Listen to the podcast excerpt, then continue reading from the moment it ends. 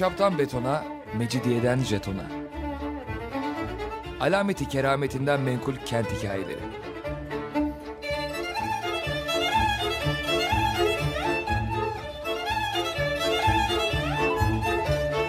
Hazırlayan ve sunan Pınar Erkan.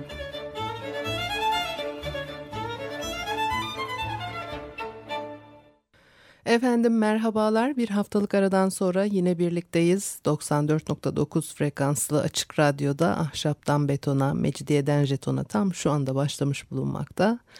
Anlatıcınız ben Pınar Erkan. Elektronik posta adresim pinarerkan.yahoo.co.uk Bugün programımızda ne var? İkinci Mehmet İstanbul'u aldığında eski Bizans sarayı harap haldeydi. Bu saray daha e, Latin işgali sırasında yıkılıp yağmalanmış. Tarih 1204 yani 13. yüzyıl. Bizanslılar şehri yeniden ele geçirdikten sonra kullanmamışlar bu sarayı. Bu sebepten dolayı e, Türkler tarafından özellikle yıkılmamıştır. İstanbul Üniversitesi'nin Beyazıt'taki binalarını biliyorsunuz. İşte tam burada ilk kullanılan Osmanlı Sarayı yeri tam bilinmese de sonra Topkapı Sarayı yaptırılmıştır. Yani İstanbul alındıktan sonra kullanılan ilk saray. Böylece Beyazıt'taki bina çok erken bir dönemde eski saray adını almıştır. Daha çok padişahların gözden düşen eşlerinin oturduğu yer olarak kullanıldığı 1826'dan ee, sonra Harbiye Nezareti yani şimdiki İstanbul Üniversitesi yapılırken de ortadan kalktı. Ee, Osmanlı padişahları 1. Abdülmecit'e kadar Topkapı Sarayı'nda yaşadılar. Arada bazı istisnalar olmuştur. Dolayısıyla tam 400 yıl boyunca kullanımdaydı saray. Bu süre zarfında sürekli değişmiş, aynı kalmamış. Kimi yapılar yangın gibi nedenlerle ortadan kaybolurken yeni binalar eklenmeye devam etmiştir.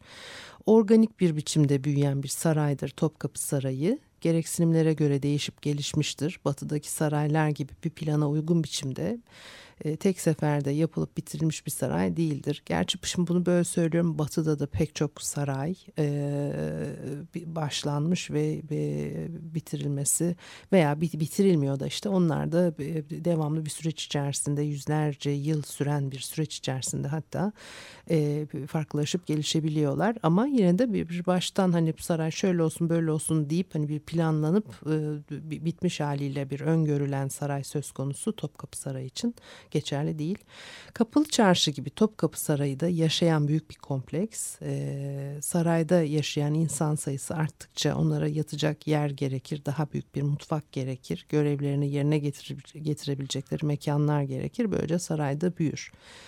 Saraya giden ilk büyük kapı Babı Hümayun 3. Ahmet Çeşmesi'nin önünden girilir içeri. Babı Hümayun yani imparatorluk kapısı. E, İkinci Mehmet zamanından kalma ve yıllarla e, onarım görmüş heybetli bir kapı. Bab Humayun'dan e, birinci avluya e, giriliyor. Birinci avlunun halka açık bir e, doğası var. Rütbesi ya da toplum içindeki yeri ne olursa olsun herkes girebiliyor.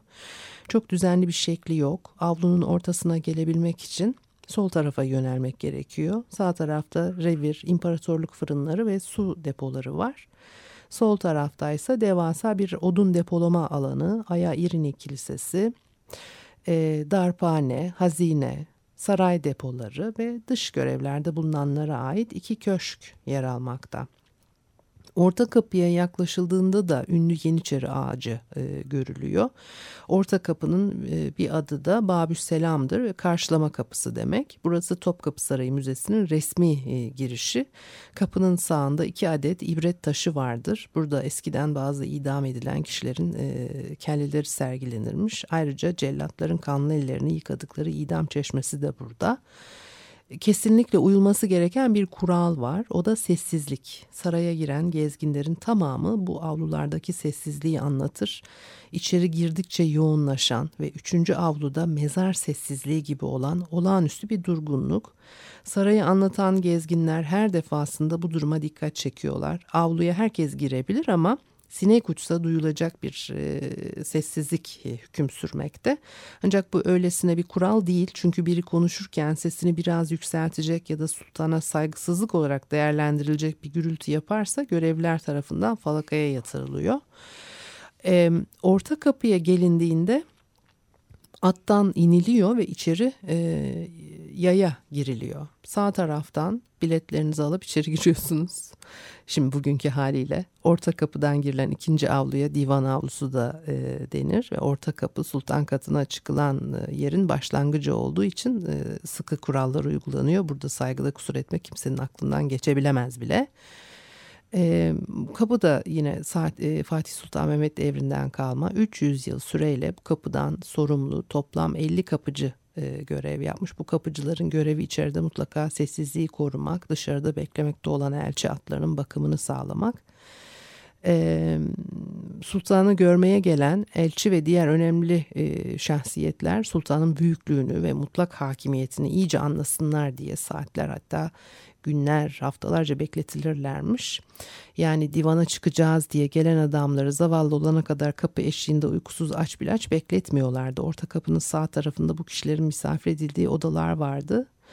Zaten 18. yüzyılın sonlarında yabancı devlet temsilcilerine daha çok saygı görülmeye baş, e, gösterilmeye başlandı ve yüzyıllar ilerledikçe de bildiğiniz üzere ağzımızdan burnumuzdan fitil fitil getirmek için bu ve öteki uygulamaları ellerinden geleni artlarına koymadılar, koymuyorlar da.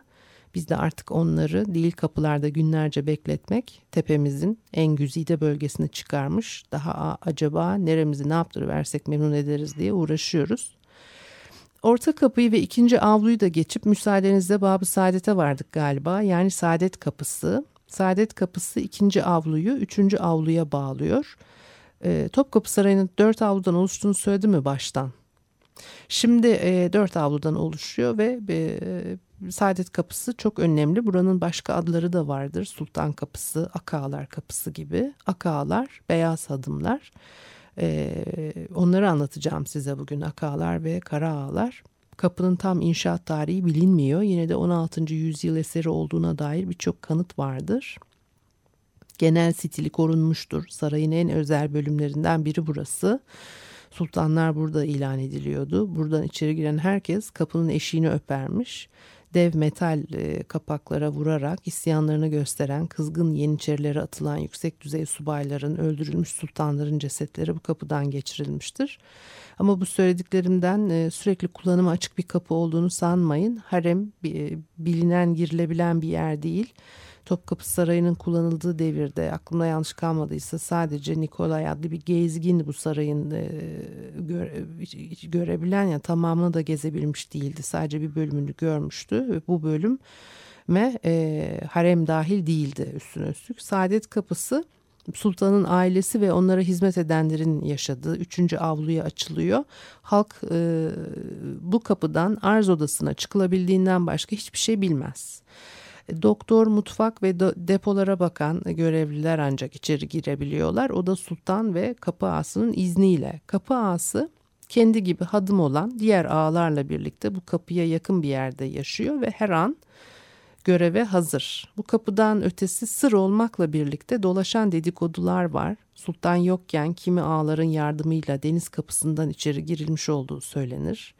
Topkapı Sarayı'nı görmüş kimselerin anlattıkları pek çok kere birbirini tutmayabiliyor.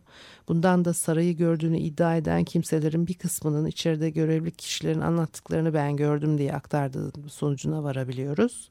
İçeriden e, bilgi veren de her şeyi dosdoğru söylemiyor belli ki. Böylece perdeleniyor sarayla ilgili her şey. Akağların karargahları Saadet Kapısı'nın yanında bir avlu var. Sonra da koğuşlara geçiliyor. Akalar selamlık işleriyle uğraşıyorlar.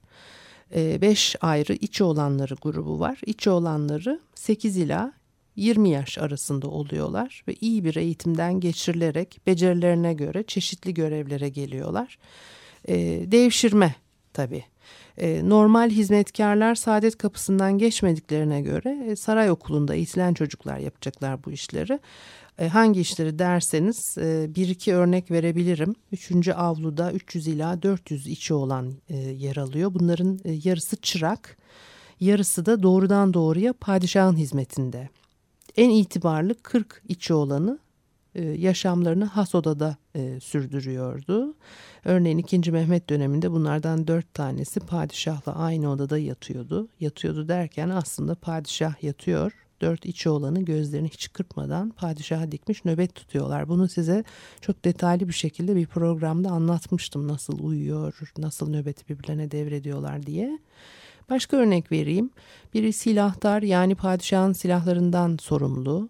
İkincisi çuhadar yani padişahın kürkleri kaftanlarıyla ilgili. Bunların bakımını yapıyor. Üçüncüsü rikabdar. E, padişah ata binerken ayağını üzengiye geçiriyor. Ayakkabısını giydirip çıkarıyor öyle ya koskoca padişah pabucunu kendi geçirecek değil ayağına. Tülbent oğlanı bir başka görevli. Padişahın sarığına ve çamaşırlarına bakmakta. Anahtar oğlanı, berberbaşı, ibrik oğlanı, peşkir oğlanı, saki, e, sofracı, mastıcı yani köpek bakıcısı, mastıcı oğlanı, e, duducu başı yani papağan terbiyecisi, tırnakçı, kahveci, efendim kürdancı böyle devam ediyor. Bunlar has odanın içi olanlarıydılar. Bir de e, hazinenin içi olanları var. Güğümcü başı, kürkçü başı, çantacı, sorgutçu, kapmiyeci, kaftancı gibi 60 içi olanı. Nasıl çalışıyorlar? Örneğin kilerden sorumlu olanlar saraya, e, sıraya dizilmişler. Biri padişahın ekmeğiyle öteki suyuyla ilgileniyor. Başkası bulaşık yıkıyor. Bir iki padişahın gümüş yemek takımlarını koruyor. Bir diğeri meyvelerden sorumlu. Çok kalabalık bir yaşam. Padişahın etrafında ise kendisinin seçtiği müsait diye adlandırılan içi olanları, cüceler ve sağır dilsizler yer alıyordu. Bunların yani padişah olmanın tabii büyük zorlukları var. Padişahların çok keyifli bir yaşam sürdüğünü söylemek biraz zor. Sürekli bir ölüm tehdidi altındaydılar ve ölümün kimden geleceğini bilmek de mümkün değil. Son derece karmaşık ilişkiler, entrikalar söz konusu. Bu kadar bir hani uzmanlaşma, biri suyunu tutuyor, biri ekmeğini tutuyor, öbürü ayağını üzengiye geçiriyor falan. Yani bunlar sebepsiz değil e, ya padişahların delirmesi veya tür çeşit ruhsal bozukluklar göstermesi işte bildiğimiz şeyler. Bunlarla da ilgili türlü hikayeler anlatılır. E, bir ara verelim ondan sonra devam edelim.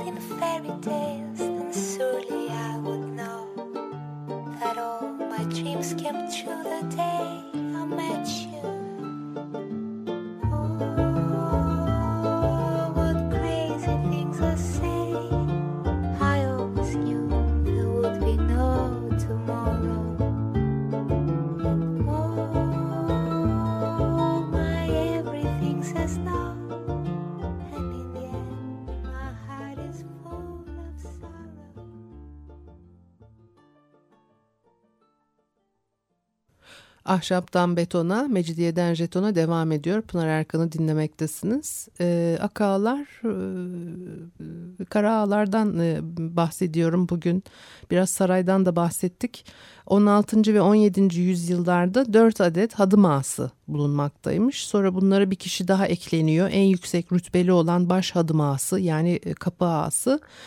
Ak ağalar e, kara ağalardan öncelikli. Güçlerini kara ağalara kaptırana kadar da kara ağaların yükselişinden bile kapı ağası sorumlu. Ve kapı ağası sultana ve saray okulu yöneticilerine yakın bir kimse. Sultana gelen dilekçe, mesaj devlet e, dokümanlarına sahip çıkmak görevleri arasında bulunduğu için sultanla birebir görüşebilen biri. Ve kapı ağası deyince kapının kenarında dikilip ona buna kapı açan bir adamcağız canlanmasın gözünüzde. Üzerine sırma işlemeli bol bir kaftan veya uzun kollu değerli kürklerle bezeli kadife bir kaftan giyiyor. Kaftanın altına da aynı malzemeden kısa bir gömlek, kemer, sarı ayakkabılar, kumaş veya ipekli iç var. Sarı da beyaz. Yani gördüğünüz gibi içine ipekli don giyebilen bir adam bu. Eski zamanda biliyorsunuz insanlar sırtlarına bir kazak, ayaklarına bir kot pantolon geçirip fırlamıyorlardı sokağa. Her mesleğin, her milletin kendine özgü giysileri ve hatta renkleri vardı. Bunların dışına çıkamazlardı. Sokakta bir adam gördünüz mü ne iş yaptığını tanımlayabilirdiniz. Rütbe sırasına göre kapı ağasından sonra hazinedar başı geliyor. Sonra kilerci başı. Dördüncü olarak da e, seferli odanın başı saray ağası gelmekte ki kendisi saray okulunun yöneticisi.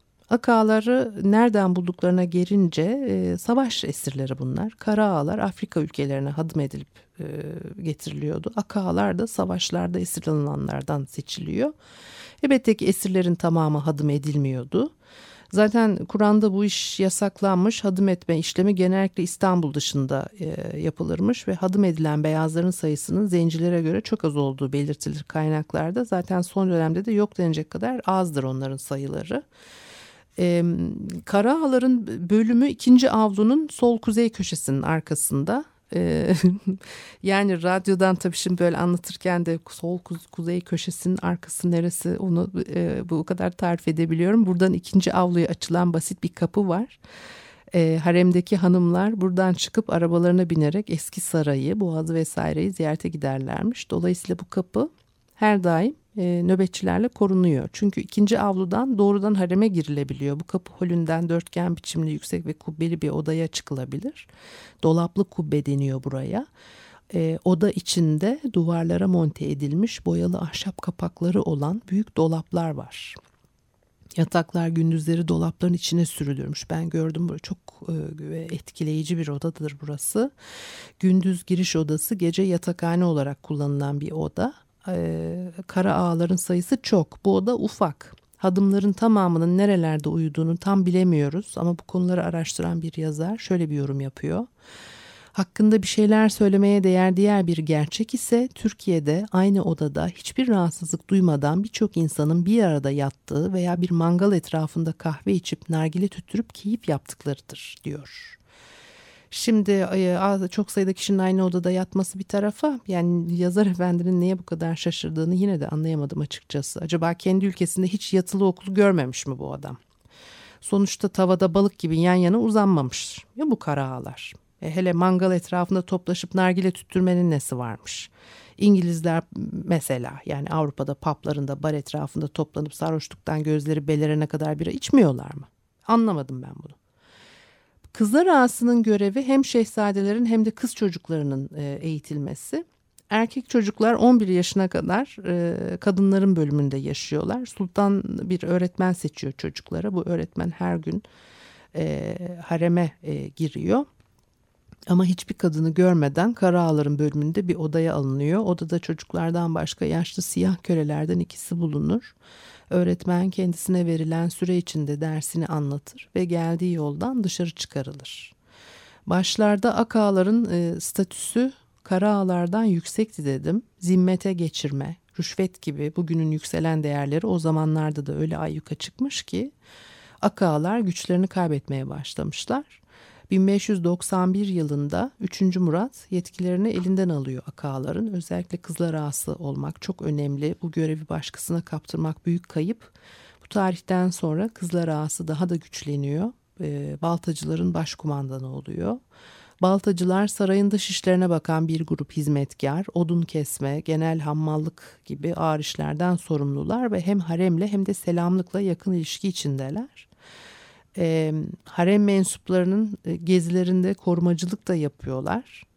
Görevlerini yerine getirirken de adlarını aldıkları baltaları var yanlarında e, daima. Baltacılar kendi içlerinde gruplara ayrılıyorlar Örneğin zülüflü baltacılar var. Hareme odun getirirken kadınlarla göz göze gelmesinler diye başlıklarından sahte zülüfler sarkarmış.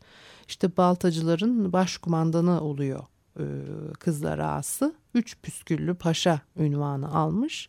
Sultanla başvezir arasında gizli mesajlar taşımış. Hem hadımlardan hem de kızlardan kendisine köle alabilme hakkına sahip olmuş. Kişisel kullanımı için 300 kadar at verilmiş tüm Osmanlı topraklarında en çok korkulan, dolayısıyla en çok rüşvet verilen bir kişi konumunda geliyor. E, çünkü kızlar ağası birçok iş için kilit noktası. Doğal olarak divan üyesi, valide sultana da danışarak hem sarayda hem saray dışında boş kalan pozisyonlara görevli atama yetkisi var. Ee, kızlar ağası hayal edilemeyecek kadar zengin bir kimseydi. Kendi kararıyla bu görevden ayrılan olmamıştır. Bu görevden ayrılanlar Mısır'a gönderiliyordu ve hatta birçoğu henüz görevleri sona ermeden emeklilik günlerini şark usulü görkem içinde geçirmek üzere Mısır'dan arazi satın alırlarmış. Bu tipte alımlara padişah karşı çıkmamış çünkü kız ağalarının mirasçısı kendisiydi. Aslında zaman içinde çok kişinin malı mülkü tahta geri dönüyordu. Kızlar ağası olanlar Osmanlı'nın çöküşünde büyük rol oynamışlardır. En yüksek dönemde haremde çalışan zenci hadım sayısı 600 ila 800 arasındaydı. Ee, kanuni döneminde haremin yapısına e, da e, dikkat çekici bir, bir büyüme gözlenir. E, kanuniden önce haremdeki hadımların tahmini sayıları 40 civarında düşünün yani Mazhar Osman ile e, İhsan Şükrü Aksel 1935 yılında Londra 2. Nöroloji Kongresi'ne katılıyorlar ve bildiri sunuyorlar. Erkek iyi dişler konu. Anatomik, klinik ve antropolojik etüt, bilimsel bir çalışmanın sonuçları yani bunlar. Deniyor ki, Blue'dan önce iyi diş edilen harem ağalarının sesi çocuk sesi gibi ve tizdir. Kolları uzun ve zayıf olduğu gibi bacakları da uzun, ince ve çarpı biçimindedir. Öte yandan kalçaların alt kısmı ve oyluklarının üst kısmı yağ toplamıştır. Parmakları ince uzundur. Yüzleri küçük, boyunları incedir. Harem ağlarının boyları uzun ise de bazen de kısa veya orta olabilir. Bu sonuncular daha şişmandırlar. Harem ağlarının tavır ve hareketleri aheste ve vakuranedir. Yavaş yavaş ve sallana sallana yürürler ve çabuk yorulurlar büyük ihtimalle gördükleri terbiye etkisiyle son derece nazik, çoğunlukla dindar ve oldukça pistirler. Huyları çocukça ve ilkeldir. Zineti, tuvaleti ve şatafatı severler. Saygılı sözlere ve lakaplara karşı marazi bir eğilimleri vardır. Belirli bir disiplin altında yetiştikleri için efendilerine sadık ve bağlıdırlar. Pek geçkin olsalar da yaşlarını göstermezler. Yüzleri buruşursa da bu doğaları gereğidir. Daima genç görünürler. İyi diş edilmiş zencilerin cildi pürüzsüz ve parlaktır. Hiç kıl yoktur. Kolay örselenir. Çabuk kızar bir hiçten hiddetlenirler. Aynı biçimde çabuk sükun bulur ve sevinirler. Bunlar da harem ağalarının özellikleriymiş. Evet. E, bu haftalıkta programımız sona erdi. Elektronik posta adresimi söyleyeyim. pinarerkan.yahoo.co.uk Haftaya görüşmek üzere. Hoşçakalın.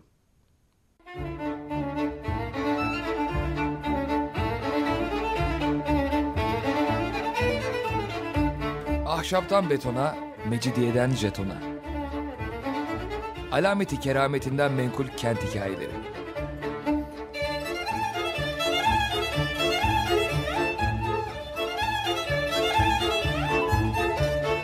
Hazırlayan ve sunan Pınar Erkan.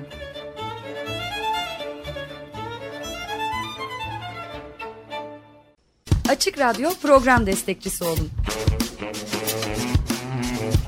Bir veya daha fazla programa destek olmak için 212 alan koduyla 343 41 41